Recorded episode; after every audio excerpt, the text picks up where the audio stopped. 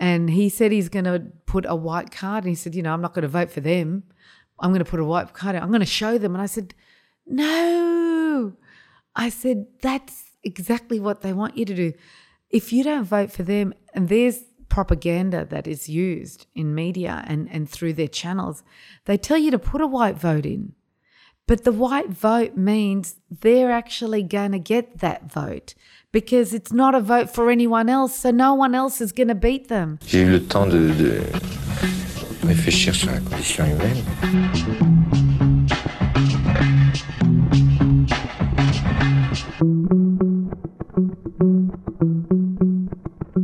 Daizy Gedeon, welcome to Sarde. Welcome to Sarde. Thank you. I'm very excited to have you here. We uh, watched your latest documentary called Enough. Uh, it's a documentary about Lebanon. Um, first and foremost, we wanted to ask you so, what do you do? Are you exclusively a documentary filmmaker? This is only my second film ever. Okay. I'm primarily a journalist and always will be, and I love the written word. Uh, but I'm also a businesswoman, which I've been doing for the last 20 years, being uh, in marketing. I have a marketing agency. Um, but, you know, this is filmmaking is part of who I am in that it's a story and it's all st- part of storytelling. Yeah, we, we noticed there was a lot of storytelling involved in uh, in that documentary. Enough, and we noticed also you started it in 2017, if we're not mistaken, and it got released until now, right? So we're talking about what five years in the making. so the, is that the usual timeline of a documentary? I feel like that's not, you know, that's not really. No. So so what happened? Why did it take so long? I actually started researching in 2016, and then we were ready to come over for our initial film shoot in 2017. And um, I thought by 2018 it would be done. I'd always wanted to come back again in 2018 because I thought we had to. We wanted to film the the winter season in Lebanon, so we had come in a summer season in 2017, and so we had planned to come back. But I cl- what happened after 2017 and the first shoot and the information and the the the weight of what I discovered uh, transformed the film completely. And uh, so 2018 became coming back for the elections, not for ski slopes and, you know, because originally the film was not what, what it is today. But it does take a lot of time, but this took absolutely much longer than anticipated. It should have been finished 2018, 2019. You live in Australia, in Sydney. Yes. Yeah, it, it has to be uh, precise because um, in the beginning of the documentary you say it, and you started uh, uh, you started with Sydney with Lebanese expat uh, there. Yes. and you wanted to do um, a happy documentary about Lebanon. And when you digged into this country, and especially during the election, you realized that it wasn't happy uh, at all. So so so what was the initial idea behind it, and what is it now for people that might not know? The initial idea was exactly what you just mentioned. It was I had been coming and going to Lebanon for 20 years and I had seen change and I could see this the facade was beautiful. Downtown would, was rebuilt. People were going out. It was fun. You can go out and it seemed like it was on the way back. And so I wanted to make a film about the Renaissance, the revi- re- revival of Lebanon after the 15 year civil war. And I honestly believe that was the story I came to tell. And I spent six weeks in that first film shoot meeting people everywhere from the north to south, east, west, inside, whatever, it was everywhere.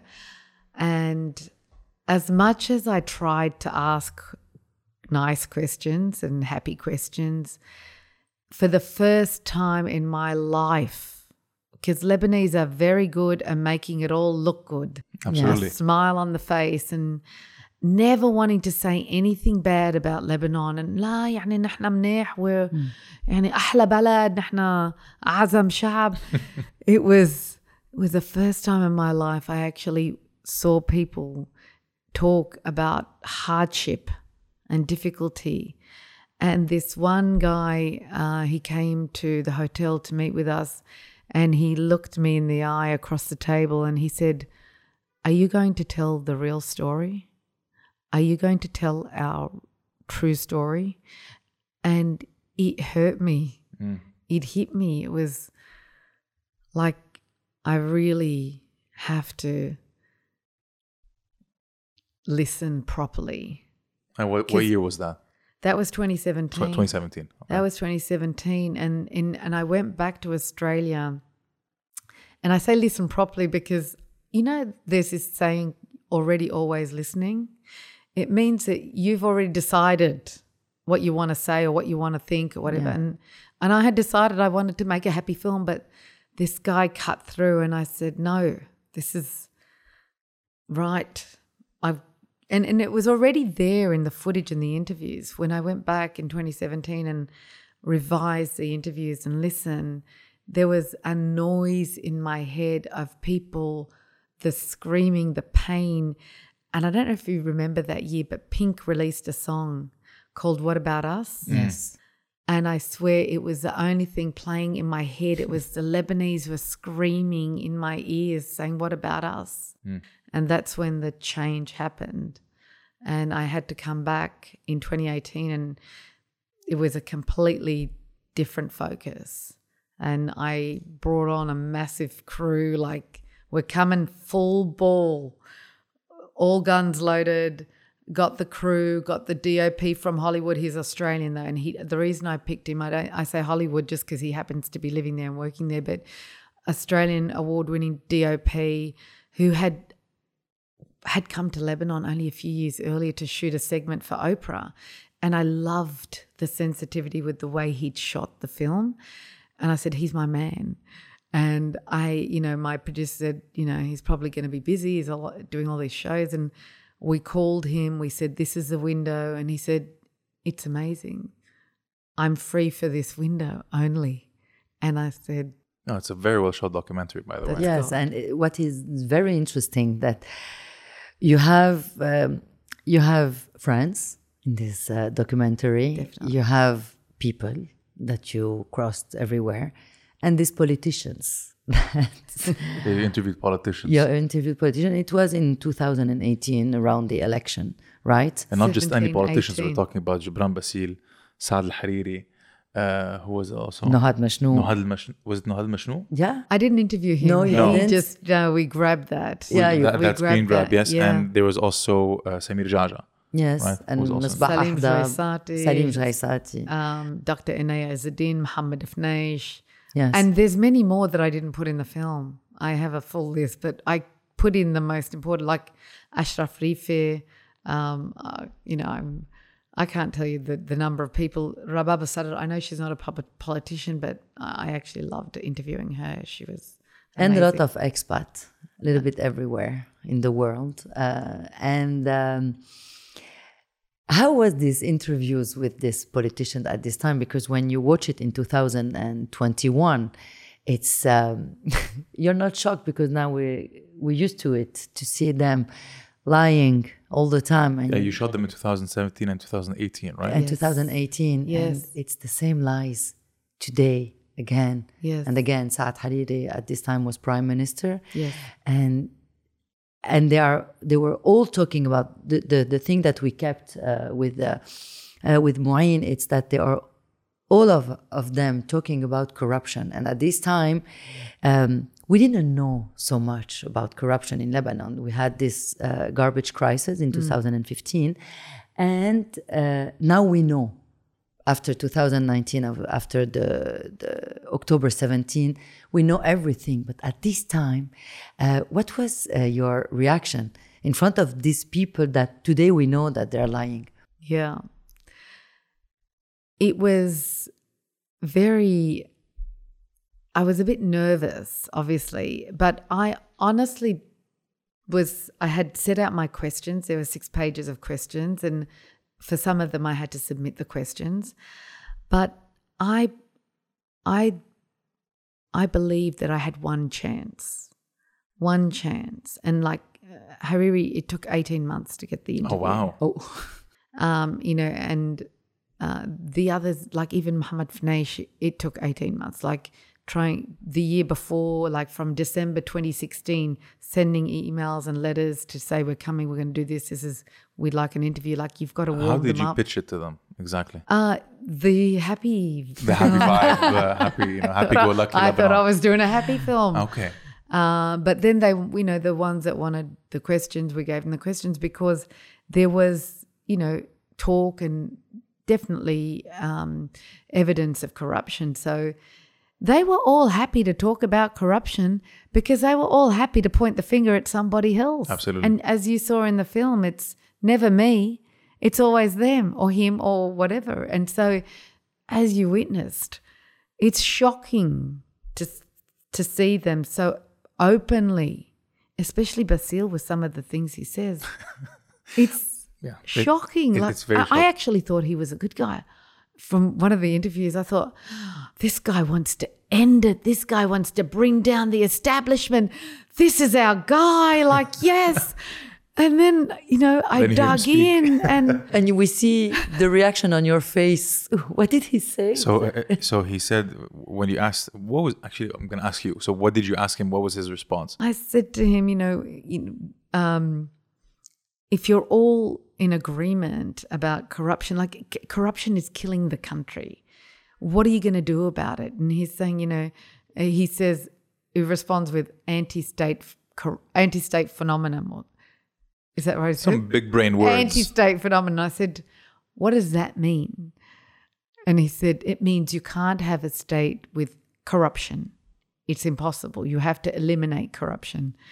But to this day, I still don't know what that means. Like, you know, I don't even think he knows. I looked it up. I couldn't find it on there. Like, you know, it's uh, it's just not a real know- expression. What, what's great is that you you you know you're not a media personality. You don't you're not part of a TV station. So when you said it's just one shot, you really went all out. And right now, when you're talking to us about these politicians, it's not like you're mincing your words. You just tried your chance. You don't care how they're going to react to it, and uh, it's very liberating to a certain extent because at least in Lebanon, the media institutions usually try not to vex these politicians in hopes of having another interview with them at a later stage. Because as we know, a lot of our politicians say for a very long time in, in public office. So it's it's uh, it's great. And and right now, my question is, with all with this negative light, well, not really negative light, you just portray them as they are, right? That's it. You ask them a very simple question: What is corruption? They kick the can you ask some very hard hitting corruptions. You actually speak to Saad Al Hariri and you tell him, listen, um, you're pointing the finger at other people or you're pointing the finger at the ether. But a lot of people say that you're part of that system. And his reaction was you could see in his body His language hands. how he changed his, his hands started like fiddling around. Um, is there a risk of this documentary being banned in Lebanon? We don't know by the time of this shooting, but so what are your thoughts on that? it's definitely high risk of being banned, definitely, um, because it doesn't make any of them look good. You know, the top notch. I say there's um, eight people in the clan that uh, because I throw Riad Salameh into that group as well. Um, and and it's not a, it's not as if I went after them. I just looked at who are those that are making the most powerful decisions and have the greatest influence. And you have to start with them because then all the others are just Cronies. cronies, exactly. Um, it, it was a bit nerve wracking saying that to Hariri, and I saw his eyes. I don't know. You, started noticed his squinting? eyes, yeah. and he sort of tensed up a bit, but um, you know, but this is the man you have to ask the question of. He's a prime minister. You know, he's running the government, and and and honestly, I'm there. As I said, I'm speaking on behalf of the Lebanese in Lebanon around the world they don't have the chance to sit here in front of him, but I did, and I had to represent you. I had to represent us. It was like I my role right now is the people. I have to give the voice of the people to these leaders. And, you know, I got pushed aside at the end by his, you know, media uh, advisor. And you didn't say you were going to ask this question. You didn't say you were going to ask this question. Oh, wow. because we actually ran out of time because they'd given me half an hour with him, Okay. and uh, 18 months and And half, half an an hour. hour. But, but he, he loves making people wait. You know, when uh, he wanted to create uh, this government, he took one year, 400 And he days. makes people wait for interviews as Yeah. well. Apparently. Yes. But we got to that point, and the, I think somebody said um, it's half an hour. Do you want to wrap it up? And I said, if the prime minister is willing to continue, I'm very happy to continue. He said, yes, sure. And his media person, I'm sure, was going, no, no. so I got another half an hour, so I could ask Hezbollah questions. I could ask other questions, and she was not happy at all. Um, but anyway, that's what you do. You take your uh, advantage of the opportunity, and you you that's your last chance or one chance. And Did they tell you at some point, regardless of whether it's Hariri or Bassil or or, or, or whoever it, may, it was, or Mohammed Fneish, um, did at some point they tell you that please remove this question please remove that segment? No. They tried to. Okay, they didn't. no, Not even today, when they knew that you're going to release the. they haven't seen it yet. they haven't. No one's seen it in the government yet, except for Amn al Aam, and I don't know if they've shown it or talked to anyone, but no one's seen it yet. So, yeah. Yeah, so f- for people who don't know, usually when a, f- a film is going to be screened or going to be put out in public, it goes through the uh, Censorship board. censorship, uh, you know, uh, section of the government, Mm. and they kind of either they they ask you to remove sections of it, or they just ban it altogether. Mm. Are you willing to remove these sections? Nothing. Zip. They got zero chance. Okay. I mean, look, you know, I didn't make this film to become famous. I have spent a fortune of my own money and I've compromised my business. I've left my kids over and over again. And I haven't done it because, you know, I- want to become a big name. There's a mission here, there's a cause. And if we don't do it now, if I'm not going to do this now and put it all on the line now, I might not have a Lebanon that I come back to. And I love this country beyond belief. Like, I love Australia, but this is different. I don't know how to articulate it. There's no words. It's just, it's in my DNA. And I will do whatever it takes to defend and project the truth and tell the world, because it needs to be on a global platform in English for the global leaders to understand. But, you know, it's going to be in multi languages so many people around the world can hear it. But this is uh, my role and my responsibility. So, in the first place, when you decided to um, uh, to make this documentary, um, who was the audience that you were thinking about? The diaspora, the non-Lebanese people. So it really was for the diaspora because I'd made a film 25 years ago, and that film was called Lebanon Imprisoned Splendor. And Omar Sharif was a key character in that. He spoke brilliantly and and uh, recited the poetry of Khalil Gibran. And that was my awakening of who I was as a Lebanese. I thought I was Australian. I didn't want to have anything to do with being Lebanese.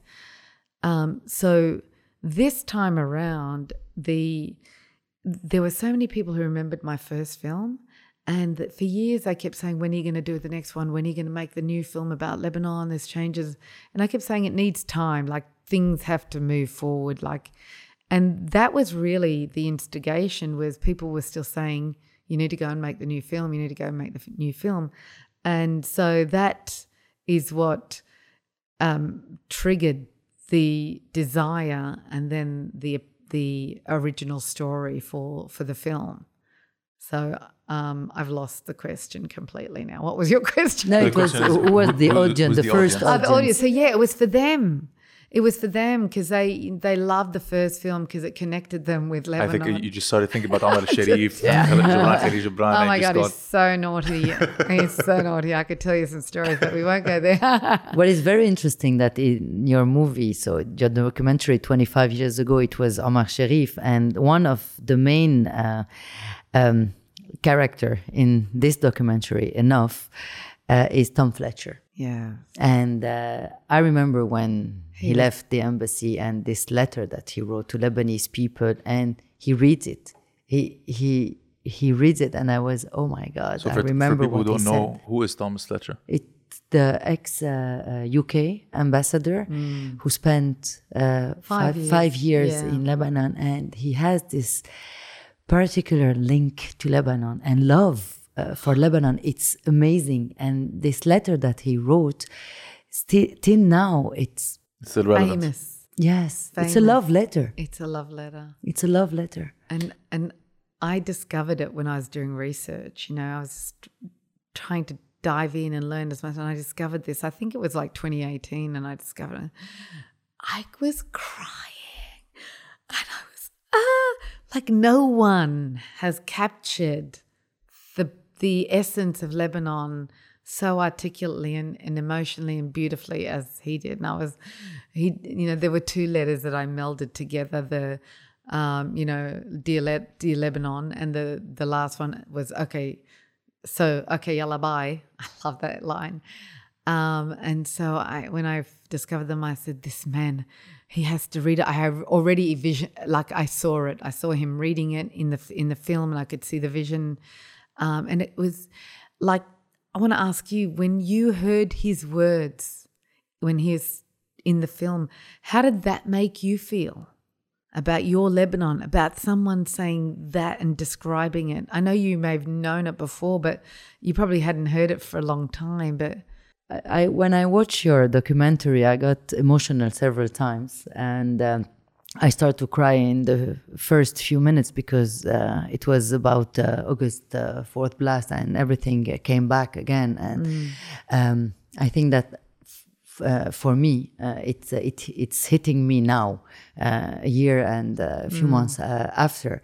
And when I listen to him, and I think that nobody can. Um, take the essence, like you said, of Lebanon uh, um, better than a foreigner. Yes. Better than someone who is not Lebanese. Yes. And he quoted so well, so well. I don't know, what was your reaction when you heard him? Well, my reaction was as soon as I saw the explosions, obviously the PTSD is very real, yeah, right? And, you know, it- it starts off with the explosions. I was just looking at media and you, you would see her like jump. And so I would try to lower the volume every single time. There would be like a section about the August 4th. no, I blast, started to cry. you know um, i think my, my reaction was I, I found it fascinating how not just thomas fletcher's um, uh, letter but how you were able to shed a light on this political class that is still the same and how they constantly regurgitate the same lies same line corruption kicking the can left right and center and there's absolutely no accountability.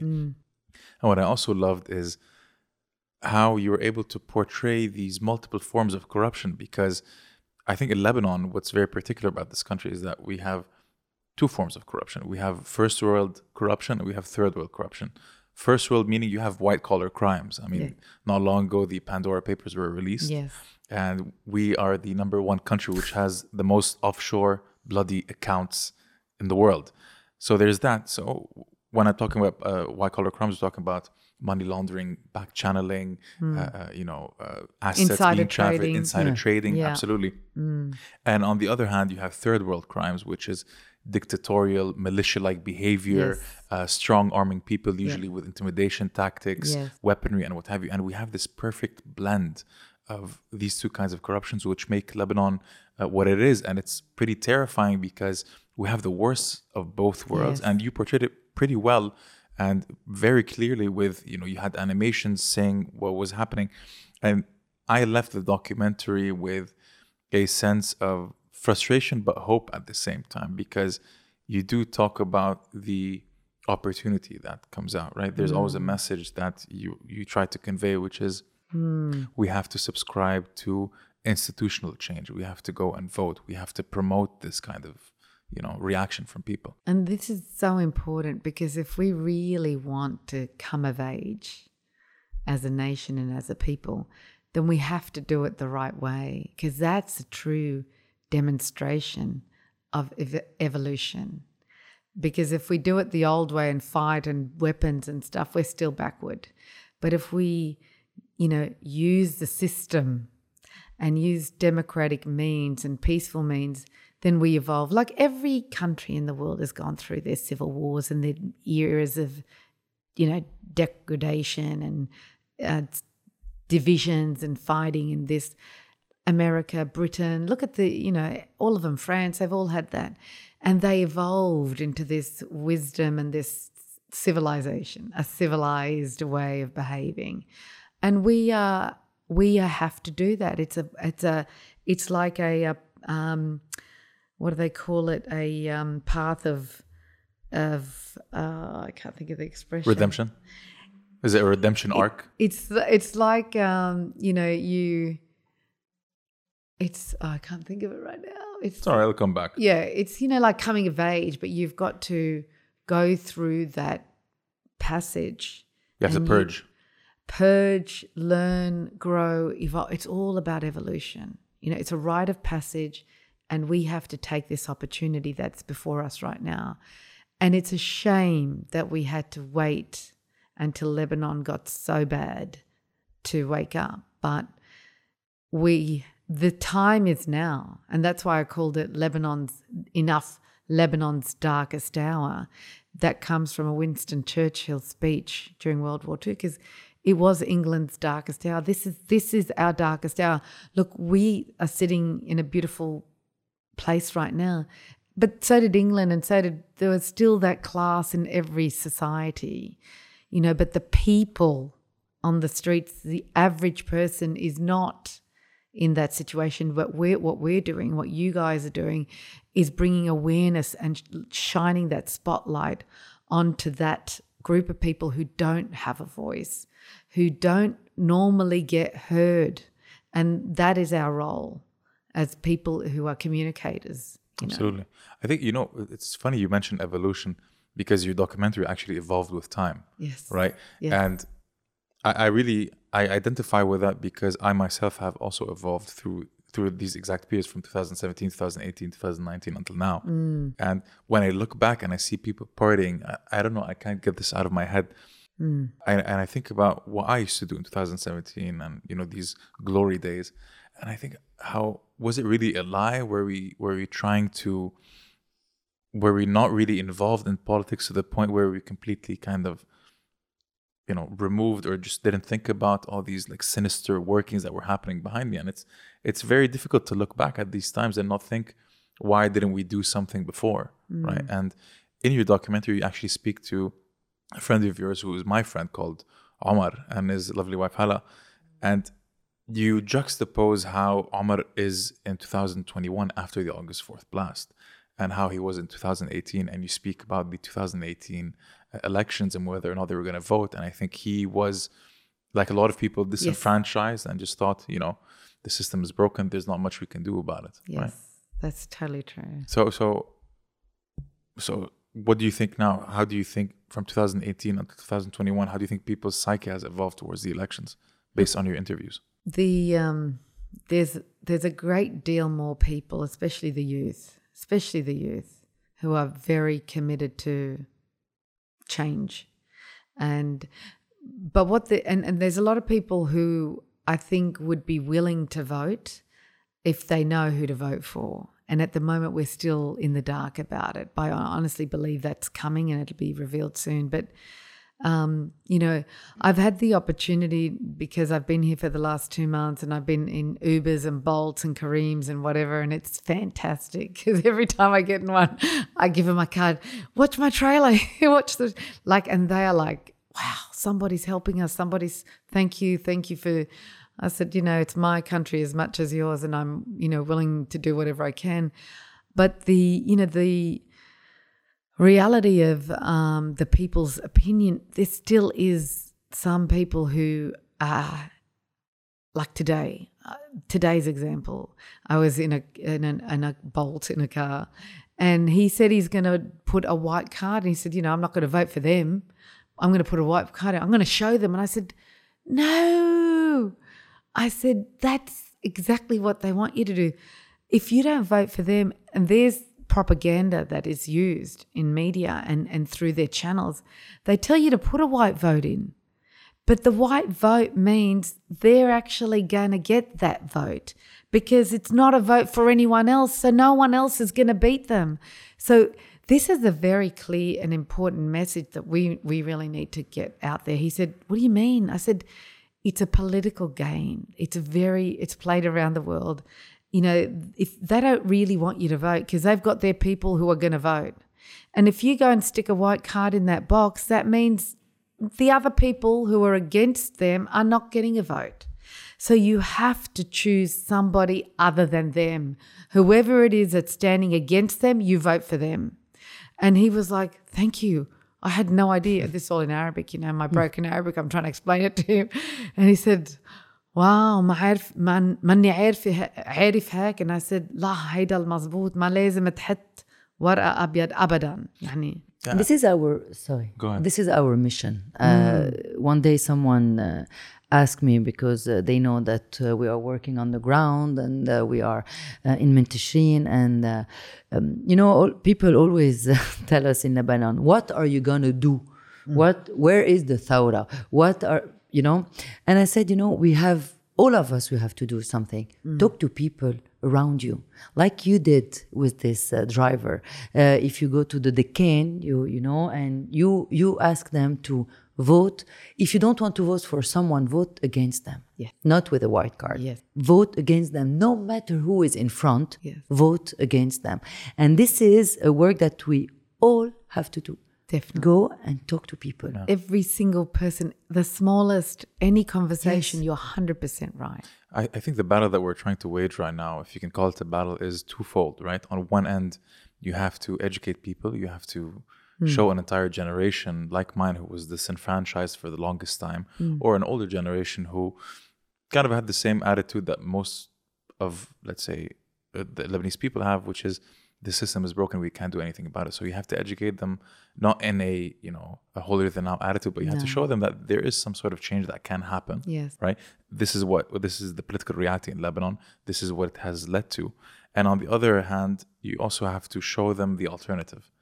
And you know, a lot of people try to um, I don't know, like reproach the October 17 uprising as being, you know, a bit uh, all over the place, not being really organized. But when you think about it, these things really need time. I mean, you're changing the fabric of society. You are telling people that they shouldn't resort to whatever zaim or warlord uh, they, they have to, to get their basic means of survival. They have to actually look towards the institutions. And it's a very difficult thing to reinstate trust in an institution that has been broken for so long. And that can only work with hope and by talking to people, seeing how everyone's pain is pretty much the same. Like we all have the same common denominator. We all are going through the same shit. The same. We all we're all waiting on uh, gas stations. We're all fighting for the least bit of medication. We're all calling our relatives or whatever network we, We have. don't have access to our money. Uh, We're, all have, you know, we, we've all been robbed. So I think that's the only way is to talk to people to to to speak. And you're talking about class, about how you know we are living to a certain level of uh, comfort. But just because you have the bare necessities does not mean you're actually living, right? We're surviving. Of course. I mean, we went down not because we can't put food on the table, but because we thought there was something inherently wrong.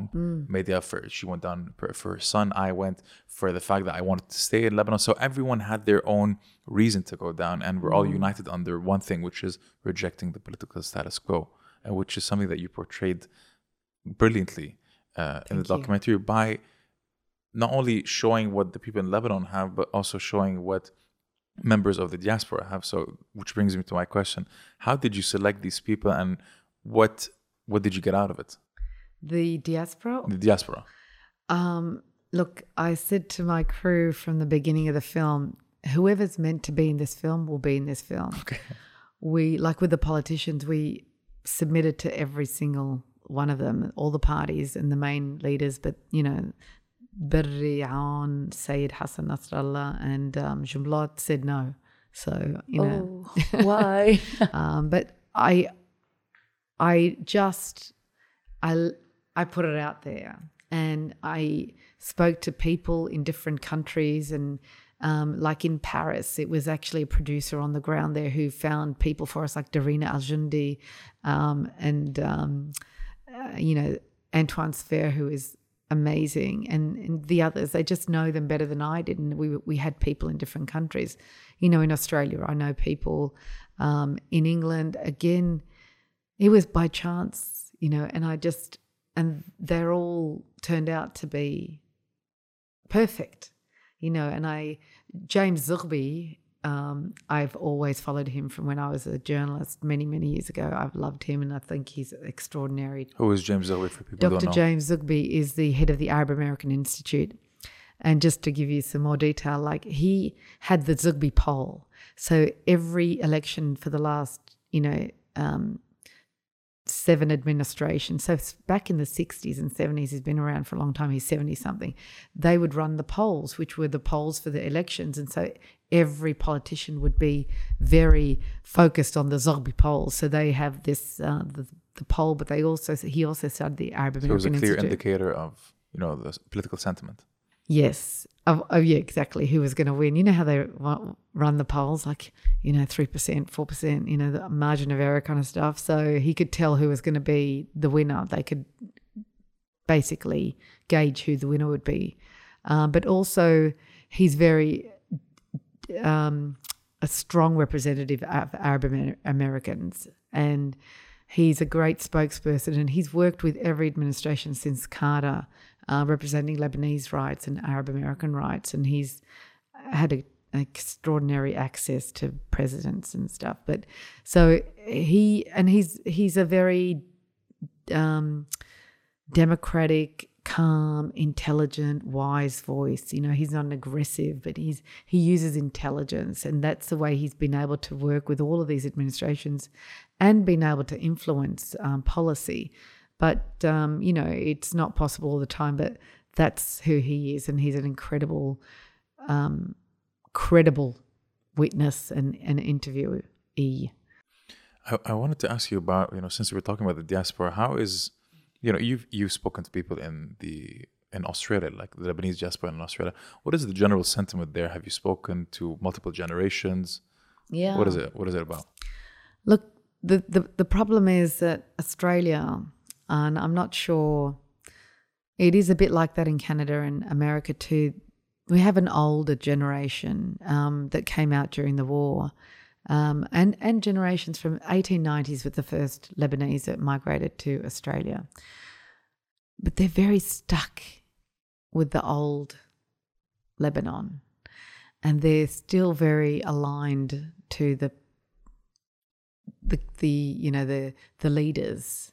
Sectarian kind of way of Sectarian, thinking because of the civil war. yeah so but the, that's the you know that's the old generation but the younger generation the second and third generations and fourth generations are very different.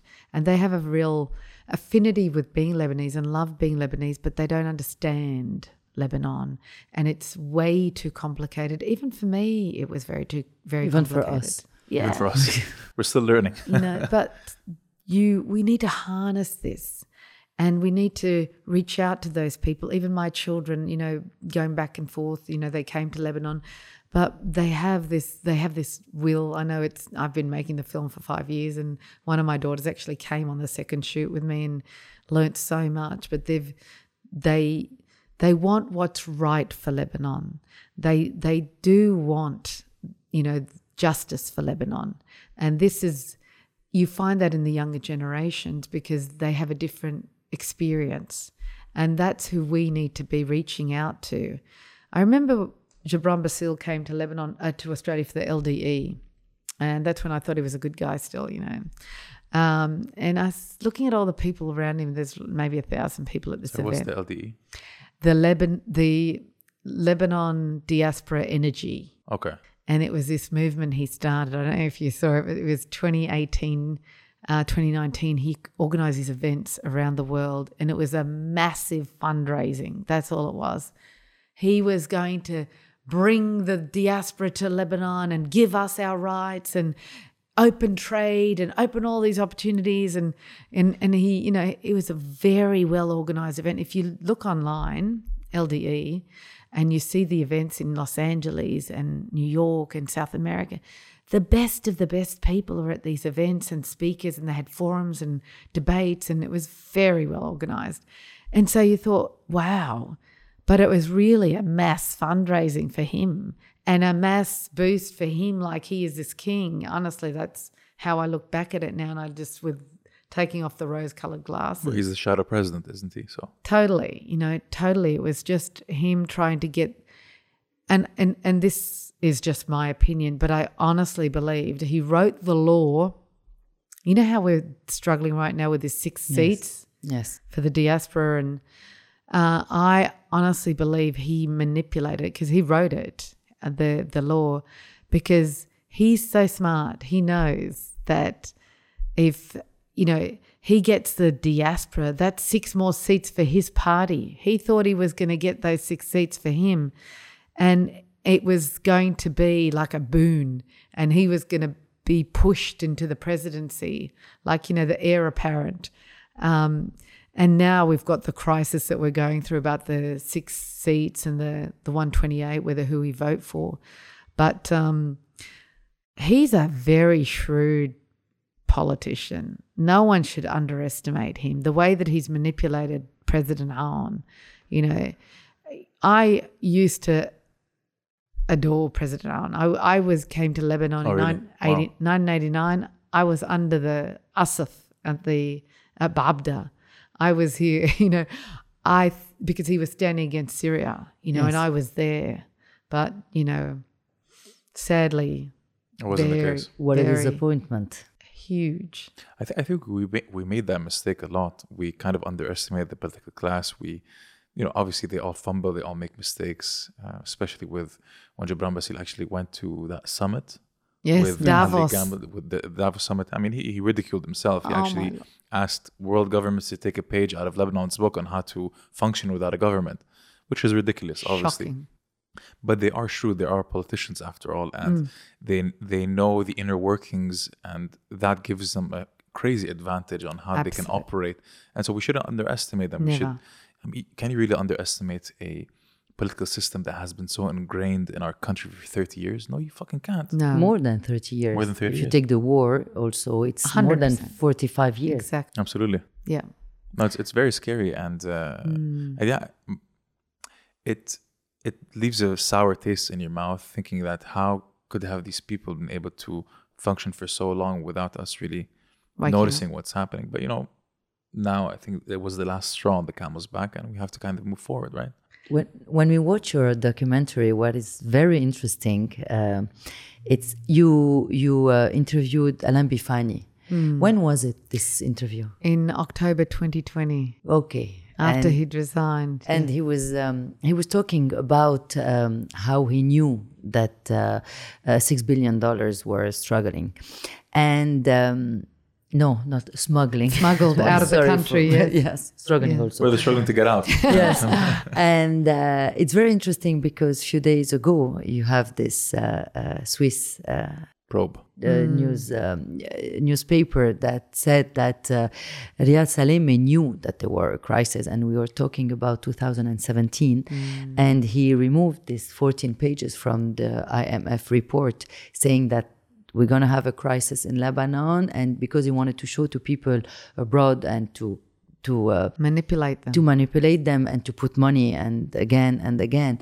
And it's very interesting because you see this in uh, your documentary and you realize that everything that they were saying at this time happened.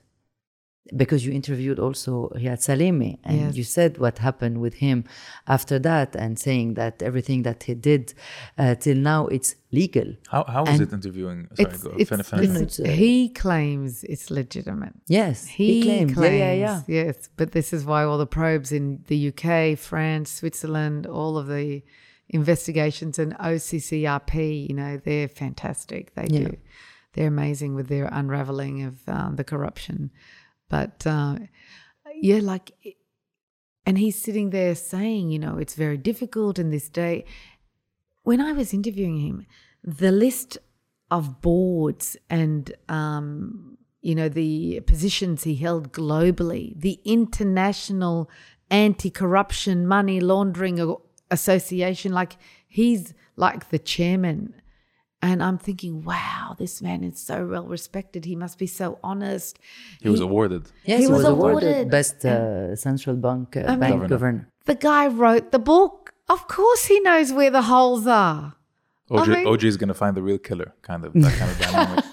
exactly. But it was, you know, so I was, I'm so on innocently sitting there thinking, oh, he's telling me, you know, it's really hard, you know, with banking secrecy laws now and banking laws. And I said, oh, okay, because I'm trying to think, you know, can they hide it overseas? And he said, yes, if there's, you know, cooperation. He said cooperation. Alain Bifani says collusion. And he's the biggest colluder with the banks overseas. But my problem and my question is, and this is, you know, uh, another documentary is the banks overseas. The banks overseas are in collusion with corrupt leaders and they're holding the money that belongs to the Lebanese people in their banks. And why aren't they being probed by their own uh, governments and corruption um, institutions? And why aren't they being investigated? Because there's, they know everything. Of course, they know everything. Yeah. You know, and you give Sorry.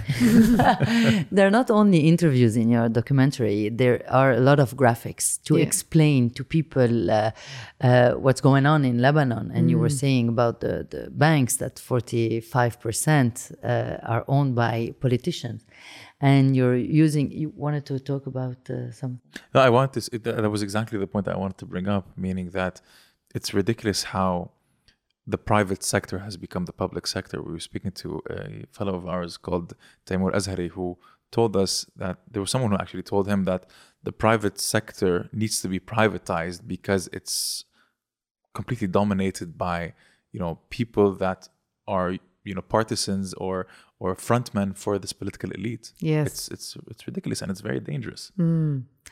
And you know, I was um, last night. We had ambassadors at a private screening for the film, and it was, you know, maybe about twenty of them, um, and they were shocked by the ex, ex.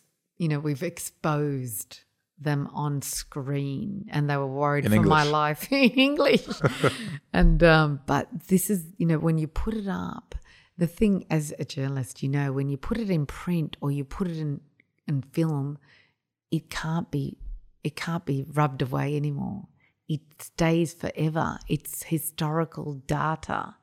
And this is the thing that, you know, why our role as journalists and, and, and historians and documentarians and what you're doing too, it becomes part of a anthology of information that people can refer to. And it's like what I did. I had to research and I dug in whoever. I didn't care who the source was. I had to verify the source. But that is the the importance of what we do. But when you put it in, you know, color on screen, it's shocking because in the ambassador circuit, you know, they hear these things, they hear this, and they they're busy doing their job as ambassadors, and they get busy. They're not. Their role is not to investigate the True. government of the day. They've got to do what they're supposed to do. So when you put a story like that for them, and you bring all of the elements together, it was shocking for them. And so, so what did you tell them? Did they come to you at, at later after the screening? Was there a conversation that was held? Yes, after the screening, yeah, they came up to me. We were talking, and they were making comments. And you know, the UK ambassador was saying this is a this is significantly important. You know, and we have to we have to do something. You know, we we do have influence, we do have power, um, and the Italian and the Swiss and many of them. You know, um, there there there was an awakening even on another level because whilst they sort of whisper in their diplomatic circles, which that's what diplomacy is, right? You know information and you try and deal with it in a way that is not going to rock the boat, but try and move things in the right direction or tell people you better fix yourself up because we know this. But when you expose it in such a way, it They feel like they have to do something, right? Because it's out there and they feel like left out if like they don't do us, you know, because t- t- Yes. till uh, 2019, we were always hearing there is corruption, but we didn't know how much, we didn't know how, How. we didn't know who exactly. Yeah. And now everything is there with all the alternative medias, with all Yes. uh, everything happened. Now we know, Mm. but and they don't hide. No. This is what is uh, um, very frustrating. Yani, we all know what they did, and you're talking about uh, the um, implication of uh, we say implication, yeah, Yes. of Walid Jumblat in the garbage crisis, and and it's it's shocking. I was shocked because I didn't know all these uh, details, Details. and information about him, and it's horrible. And you were talking about this garbage uh, crisis and saying that there were links between uh, Jumblat and there is Saad Hariri and all this uh, uh, landfill that they have to own, and this is why we didn't get out of this crisis. Yeah. So we, we are you are giving a lot of information, and I, I- I'm sure that the ambassadors were shocked because we were shocked also because we didn't know we were living in an illusion uh, till uh, the the Thawra. Yes, I mean it's an incestuous relationship between the private and the public sector, and now you can understand why it is so difficult to dismantle this political class because they literally have their hands and feet and whatever appendage you want to call in every single Everything. aspect of government and in the, public and private sector. So that is why I think mm. the moral of the story is, is that we have to reject them all. But how do we do that? You you mentioned before when you spoke to these ambassadors, you kind of pressed them into promoting this fair and equitable kind of voting process in the diaspora, right? Yes, Because yes. that's the only card that we have to play. Exactly. And if you noticed at the end of the film, there was one card that said, join the movement for change, hashtag free and fair Lebanon. Um, look, my purpose at the end of making this film was to agitate, well, first of all, educate, agitate and provoke action because I wasn't going to make an analytical film because analytical films, people take them in and then they say, oh, that's a shame. What poor Lebanon. And they'll go and watch the next film. This, like I said, this is our chance. This was my chance. And for us, I had to do something that was a motive that agitated people to take action. And I said, I need them, I need to channel the energy into something. And we didn't know anything about the political new political parties or or movements yet. It was still forming. They were still developing. But I said if we could start something, even if it's a petition, to get them to register to Register. sign up, sign a petition for free and fair Lebanon, which means the first most important thing is to have free and fair elections in Lebanon next year. Free and fair might sound like a simple expression, but in the global world of politics, free and fair is a gold standard. It is written, if you Google it, it means this, and every government in the world aspires to free and fair. And even to this day, there is not one government in the world that has achieved free and fair elections without, you know, like in its purest sense. So it's an aspiration. So I just wanted to give people something simple to sign on to. But this is not just my movement. It, it hasn't, it's like it, it's a start of something. Sign the petition, register to vote, and learn more about who to vote for in the elections when we know. It was the only thing I could start doing because we weren't, we don't know yet. And today, we still don't know who's standing in the elections, where the candidates are, what the parties are going to be. But this was all moving people to be able to use the energy and the Exercise anger right. yeah. and to um, ad- motivate them. But um, what there's the um, like almost um, um, militarize them into some sort of action. Absolutely. Um, and so, but this has become bigger than me or the film. The film makes you aware. It's the education piece. And so, in the mo- couple of months I've been here, I've talked to Minteshreen and I've talked to many organizations, and I said, look, this is not my petition. This has to be our petition. And we need to all just put it under our banner. Like we, we who are in the collective opposition, we who are all united against this group of people, sign this petition and stand for this. And this is what we want. If it the first move that we do is have free and fair elections and demand the governments of the Western world and who and the rest of the world enforce that rule upon this regime Exactly. And use their influence and their power to and to force this government to allow us to have free and fair elections. And I'll share that with you because what free and fair means is quite unique because there are eight rules you have to stand by. And it means that every citizen has the right to vote. It means that your citizens are allowed to stand in elections. It means that you have, if it's if that that if if it's not convenient for you to vote in a particular ballot, that there is another method that I'm allowed to exercise my right to vote. And this means the diaspora too has the right to vote, and they're trying to stop the diaspora from voting. And so um, we're hoping to launch that um, petition and this initiation initial stages of this movement with all the groups because we had this screening for the groups and uh, organizations a few weeks ago.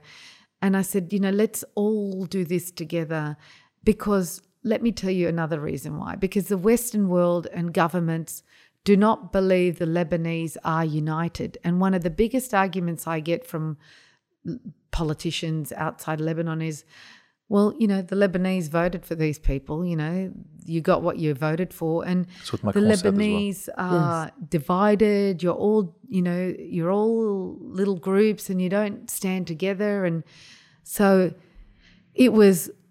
We don't have to be one party. They're not one party. The the people ruling are not one party, but we need to be united on something simple. We can't all agree right now because there's so many groups, as you know. You've got your own tenets and, and, and mandates, and you're entitled to have your own tenets and mandates, absolutely.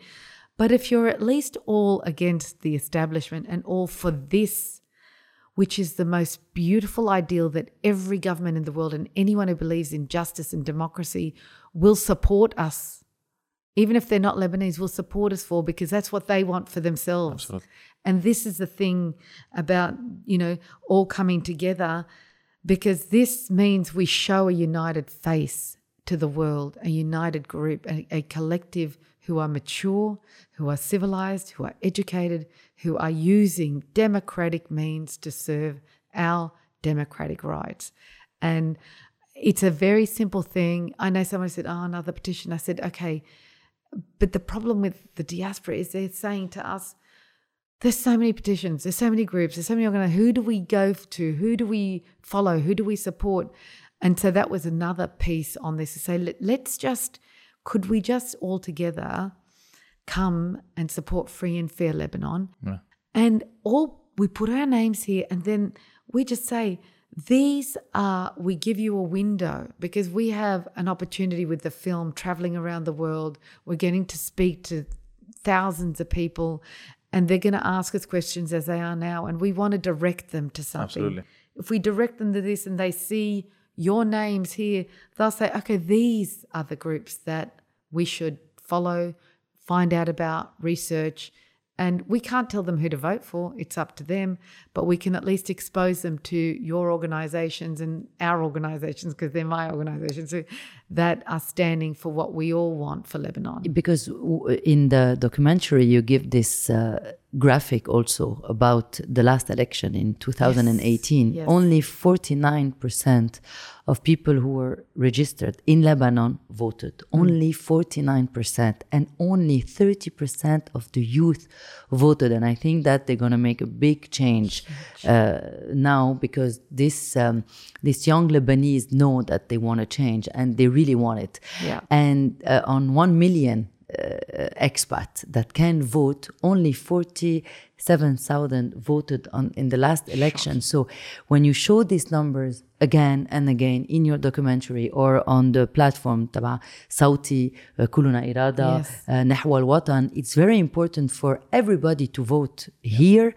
and abroad it's very important and I think that if they pass this law for six uh, seats, that it's uh, ridiculous because we know that uh, the the expat have the have the right to vote in their own district.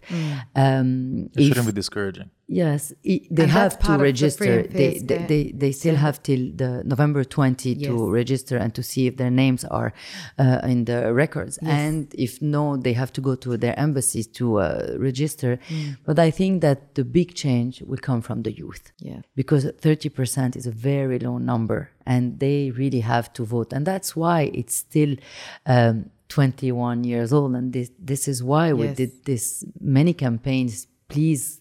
And they won't do it uh, Because people- they know that. they that- know that if they can vote at 18th, it's it uh, it will make a very uh, huge uh, change. But I think that the youth is going to vote uh, this time after the um, revolution in October 19, and especially after the blast. A lot of things uh, changed, and you met a lot of people uh, doing this documentary for five years now, Yes. and I think that you felt the change. No, in uh, when you met them. massive massive shift from 2018 2017 2018 to to now. And on that point of the youth i want to say this. If the youth the youth can win this. The youth of lebanon alone can win the next elections. Look you do the math. If you do the math, they have the greatest power. And now the youth has, number has grown because it's been four years. There's more people who are over 21 now. They alone could win this election for Lebanon. If they block the diaspora from voting, the, the Lebanese in Lebanon can win this. But we in the diaspora, but I'm going to come and vote here because I got my passport, which I actually brought with me just in case to show that I decided there's no chance of them stopping me. I took four weeks to finally get it, but I'm coming to vote here. But I want to say that I honestly, the youth of Lebanon alone can win this election and change. They can win enough seats to make a difference. We can't eliminate every single one of these guys. Like that's it's not going to happen and we that's that unless there's violence and bloodshed and we just don't want that. But the youth alone if they come out in in their full numbers will make a massive difference. Absolutely. And and and yes, you're right. In 2018, when I was here, and the the youth were apathetic. They're sitting in the cafes, they're drinking their coffees. You know, they're having their iced lattes, and you know, life is good. And you still see some of them now, but it's very different energy in the cafes. You know, you go there's a completely different energy to the nonchalant. I'm fine. You know, I'll get on with it, and the the poor Omar. he's just my example. God, I love him. But he's just an example of what the majority opinion was at that time. But you know, you've seen him change, and that's a big deal. And you know, you're you're 100% right. There's a shift, a massive shift. You know, I just want to go back to, to to the point you made about how some people might not know who the opposition is, and rightfully so. Hmm. But what what kind of maybe rubbed me off the wrong way is when you spoke about how these world leaders also use that narrative. Yes. Right. I have a message to, to these world leaders if they're watching. Uh, how about they stop giving a bloody lifeline to these politicians every hmm. single time? Hmm. I mean, you portrayed Macron in the documentary he was benevolent you know he came with the right mindset. Hmm. But i feel that he also gave a lifeline to this political class and unfortunately he channeled the behavior away or, or the frustration that we had from the august 4th explosion and he told us to give them a chance or try to kind of put them in the ranks and he he's, he put like a few standards that you should form a government by this date or that date and they laughed him off the bloody stage and this also happened when we for those who don't know me and Medea were part of this uh, civic movement effort called base camp after the august 4th explosion where we set up a camp which had food distribution which had engineers and and architects try to assess the damage and try to provide whatever sustenance we could afford for people that had their livelihoods and their lives destroyed. And you did have a few politicians that passed by and tried to you know uh, pay their respects. And the uh, the message that we had every single time one of them came is do not bail them out. Do not mm. fucking bail them out. Yes. do not give them that lifeline that they need and they yearn for to re-legitimize themselves. And mm. this is the only thing. Okay you don't know who the opposition is? Fine. You will know you will know at a later stage. Mm. But stop pandering to these people. Stop uh, dealing with the devil you know. Exactly. you know because there isn't a worse devil than that. There's f- from the political uh, class, the only way to go is up, and yeah, that that's my message to, to these people. I mean, it's frustrating, but Yes. I think we'll get Very. there, right? A hundred percent agree with you, and and you're right. They have to stop giving that lifeline and and funding them, and they sort of started with preventing, uh, you know, not giving them that eleven billion dollars that CEDRE that they agreed to in CEDRE, but they're about to get some money now, and and I'm, uh, you know, that's why I was talking to the ambassadors like last night, saying, you know, you're funding the government, especially for the next elections. You're, you know, I think there's 60 million euros that are going to be given to the government to host elections. Demand, demand that international independent monitors are present and demand that they be given more scope to be able to have greater oversight of the entire process of the voting voting process. And one of the ambassadors, I, don't, I won't mention it just in case it's she doesn't like it, but said, you know, well, we are only allowed to do what they give us permission to. I said, but you're giving them the money, demand it, or they don't get the money. You have the power to say, no, this is the scope for our monitors. We're going to allow, we're going to oversee the full process, and or you're not going to get the money. And, you know, it was interesting the body language. And I said, you have to use your influence now. The Lebanese deserve that our voice be recorded accurately. That if we go to these elections and we get to vote honestly and fairly, and we pick the same people again, then we're fucking idiots. Excuse my language. Absolutely, no, you can. Okay. We're that's it. Fucking idiots. We're fucking idiots and we deserve what we get. But at least let us have the right to put our voice in because the you know the previous elections were not free and fair. You know there was vote tampering. We just want that. And they took it on board. And I, you know, we have to work especially with diplomats, it's slowly, slowly, carefully. You can't give them too much. But that is something that can definitely happen. And I was on a webinar with the National Council of Arab American Relations a couple of days ago too, where we talked about that. And I asked them, I said, look, if, you know, because they're involved in that sort of, um, they have a great um, access and, and influence on lobbying in America. And I said the same thing. I said, we want free and fair elections. We want the right for our voice to be heard. And if we fuck it up, we fuck it up. But let us let us have our say. Yeah. Uh, you know, me and Medea know a few uh, of our friends are anarchists, and they look at the democratic process as, you know, something that's not really going to happen. It's not really going to change much. And I understand them. You know, they have been, you know, they have been duped multiple times. I've been duped. We all have been duped into thinking before that we could do some change. And I think right now we have no other option. We try to resort to some sort of anarchy, which is going down to the protests, which is voicing our concerns. And we were met with um, militias coming down and beating us up. We were met with the army shooting at us with live ammunition. And that was when, I think it was on August 8th, when several of our friends went to the hospital because of being shot and having uh, shards of, of, of grenades lodged into their bodies. When we realized that Wow.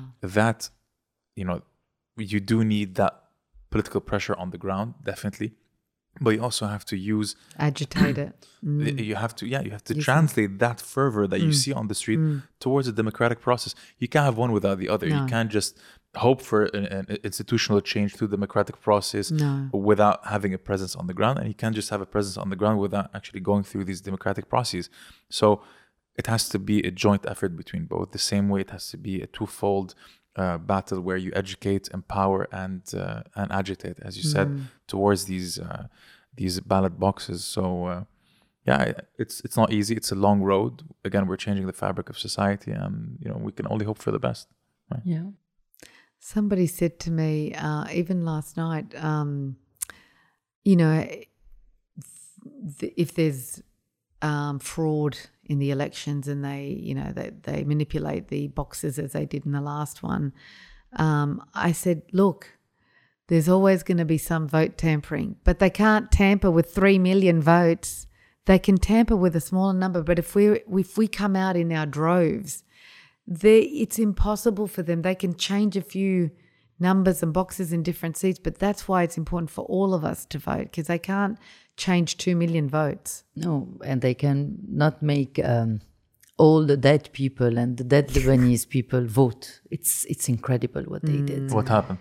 They, they people were dead, okay, that that person, and they to- voted. They So supposedly deceased, voted. yeah. So you have uh, votes from people that are not uh, alive anymore. Yeah, so you had multiple kinds of fraud, right? You Yes. had dead people voting. You had uh, ballot boxes magically disappearing, sorry, Yes. uh, votes, and you at some point wasn't there like a blackout or something, and suddenly Yes, and- a few things changed. Really? and- Yeah, and they give the nationality to to, uh, Syria- to Syrians. Syrians, to Syrian refugees. to- it's uh, They weaponize refugees. Yeah. yeah. Uh, they give them the nationality in order to buy a few more votes. I mean, it's it's really sinister what you can see, and I I suggest just do a human shield, right? Just be behind the ballot box. Try to monitor the entire thing. If Yes. you have international agencies that try to help, great.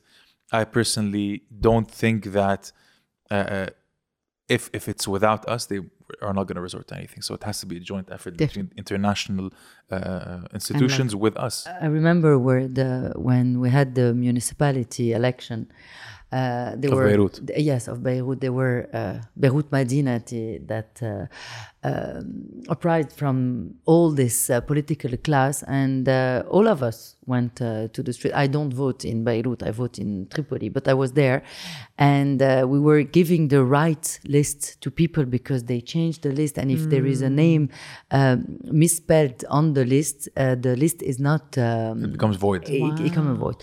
So we were on every door, you know, everywhere that they people they could vote here in in in Ashrafieh. We were giving the right list and said, "Be to door. careful, don't take this list. This is the good. This is the good one. This is the real one." So yes, we ha- we can do it uh, on a personal level and be there and uh, say to people. Remember, if they gave you money, take the money, but don't vote for them. Yes. You can do it. They won't know. Hmm. Yeah, I mean, I mean and, and, and I refuse Apparently that they idea. will a bit, but anyway, that's No, not for everybody. not for everyone. everybody. Hundred percent, hundred percent. you know, I, I a lot of people said that people are going to take that money, right, and they're going to vote for the same person. And I completely understand it, right, because hmm. they put us in a certain situation hmm. where you have to get whatever means you can in order for you to survive. But I refuse to to accept that idea that we are willing to sell whatever destiny we have to For a hundred dollars. for hundred dollars. Yes. Right? If that's the case, fuck this country. Yeah. Hopefully, You're right. people will do the right thing. I keep on saying do the right thing and keep on saying hoping. And I believe we um, we reached the end of this podcast, and I think the concept or the theme of hope has been prevalent in every single thing that we were saying. So, our question to you is, uh, في أمل asking it to you in Arabic. I think that you're gonna answer yes. That uh, there Would is I hope. be here? I'm actually moving back to Lebanon next year. oh, No wow. way. The You really have a lot of hope. I'm moving back here because I said before or after kids- the election? No, before the elections. Oh, definitely. Because I said I can't help Lebanon from Australia, and this is my purpose right now is is Lebanon, and I've been very lucky with all of my life and opportunities, and you know, you get to a point in your life where it's time to contribute and give back, and this is my where I'm at in my life right now, and um, you know, that's what I want to do, and there's nothing more important nothing more important to me. And you know you know when there's this saying you know just imagine yourself lying on your deathbed in hospital what would you regret not having done? And this is one of the things if i don't do it and i would regret not having tried. So this is important. And i love it. I just love this the people the lifestyle the as in the the life the energy of lebanon the way of being. And and it's not saying I don't love Australia. I do and Sydney's beautiful and we live in a very beautiful area. But it's that important to me you realize like you're coming back to Lebanon from a first world country to a third world country, right? Um, It's not even fourth. But if Sorry, everyone was before. asking me, you, you want to get a Lebanese passport? Are you crazy? yeah, I mean, uh, how long have you been outside of Lebanon for? 51 years because I'm 56. I was five when we And left. so that new sense of, you know, belonging to Lebanon got, you know, entrenched in you right now, right? No, no, no. I mean, it, it's been entrenched since I was 23 because before 23, nothing. But it grew. It's grown more and more. But, um, but this last, I didn't know I was going to be doing, like I said, the beginning of this film, 2015, 2016, 2017, I didn't know I was going to feel this way. But it happened since the last 12 months or so. It was like, Oh, right now, recently. I need to move to Lebanon. I'm done. I've got my company in Australia. I can't. I love them. My staff are amazing, and they've been looking after the company, and I'm God bless them. But I haven't told them yet. The, the title is enough.